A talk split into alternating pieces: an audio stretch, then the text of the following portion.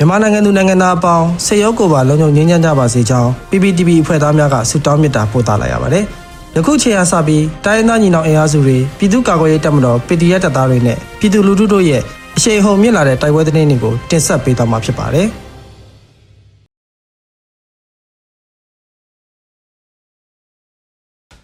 ပထမအဆုံးအနေနဲ့မြင်းညံရှိကျောင်းတွင်တက်ဆွဲပြီးပြည်သူများကိုစစ်ဆေးနှောက်ယှက်နေသောစစ်တပ်ကို PDF ကပြစ်ခတ်ပြီး စစ်သား2ဦးတေဆုံးတဲ့တဲ့တင်တက်ဆက်ပါမယ်။မန္တလေးတိုင်းမြင်းညံရှိစာတင်ကျောင်းတွင်တက်ဆွဲပြီးပြည်သူများကိုစစ်ဆေးအနှောက်ယှက်ပေးနေသောစစ်တပ်ကို PDF ကပြစ်ခတ်မှုစစ်သား2ဦးတေဆုံးကြောင်းနထိုးဤ PDF ကသတင်းထုတ်ပြန်ပါတယ်။မေလ19ရက်နေ့မြင်းညံမြို့အထာကနှစ်စာတင်ကျောင်းတွင်တက်ဆွဲထားသောစစ်တပ်ကလမ်းသွားလမ်းလာမိဘပြည်သူများအားအမျိုးမျိုးအနှောက်ယှက်ပေးနေသောကြောင့်နထိုးဤ People Defense Force အဖွဲ့သားများကတတိပေးသည့်အနေဖြင့်ဝင်ရောက်ပစ်ခတ်ခဲ့ရာ စစ်ကောင်စီအဖွဲ့ဝင်2ဦးတေဆုံးကြောင်းနထိုးဤ People Defense Force ထံမှသိရပါဗျ။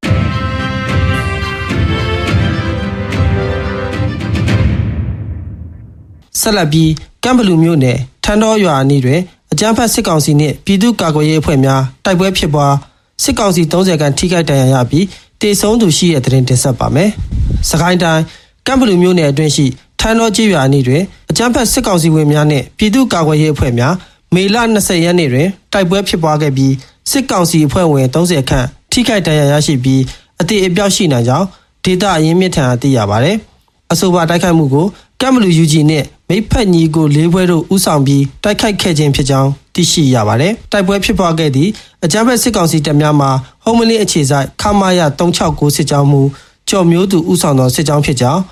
ထန်းတော်ရွာအနီးတွင်ပြည်သူ့ကာကွယ်ရေးအဖွဲ့မှ မိုင်းဖောက်ခွဲခဲ့ပြီးလက်နက်ငယ်များဖြင့်နိုင်ဝက်ခန့်အထိထိတွေ့တိုက်ပွဲဖြစ်ပွားခဲ့ကြောင်းတေဆုံးသူစီရင်စုံစမ်းဆဲဖြစ်ကြောင်းကမ်ဘလူယူဂျီထံမှသိရပါဗျ။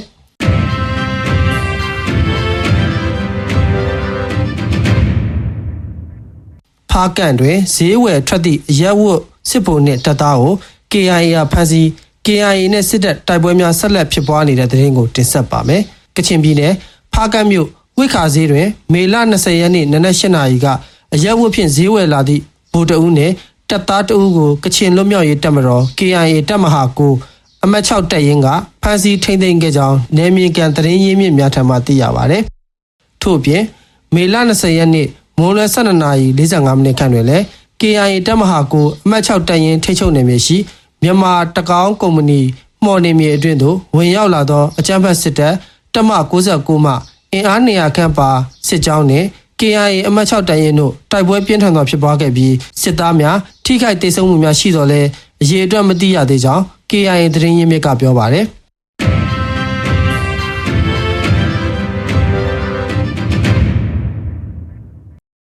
နောက်ဆုံးအနေနဲ့အမျိုးသားညီညွတ်ရေးအစိုးရပြည်ထရေးနဲ့လူဝင်မှုကြီးကြပ်ရေးဝန်ကြီးဌာနက2022ခုနှစ်မေလ22ရက်ရက်စွဲနဲ့ထုတ်ပြန်ခဲ့တဲ့ပြည်သူ့ခုခံတော်လှန်စစ်သတင်းအချက်အလက်တွေကိုတင်ဆက်ပေးသွားမှာပါ။ အာဏာသိမ်းအကြမ်းဖက်စစ်အုပ်စု၏ပြည်သူလူထုအပေါ်အကြမ်းဖက်ဖိနှိပ်ဖန်ဆီးတိုက်ခိုက်တပ်ဖြတ်နေမှုများကိုပြည်သူလူထုတရက်လုံးကအသက်ရှင်တန်ရေးအတွက်မိမိကိုယ်ကိုမိမိခုခံကာကွယ်ပိုင်ခွင့်အရာပြည်သူခုခံစစ် People Defenses War ကိုဆင်နွှဲလျက်ရှိပါတယ်။သတင်းအချက်အလက်များအရ20ရက်5လ2020သတင်းချက်လက်များအရ20ရက်5လ2022ရက်နေ့တွင်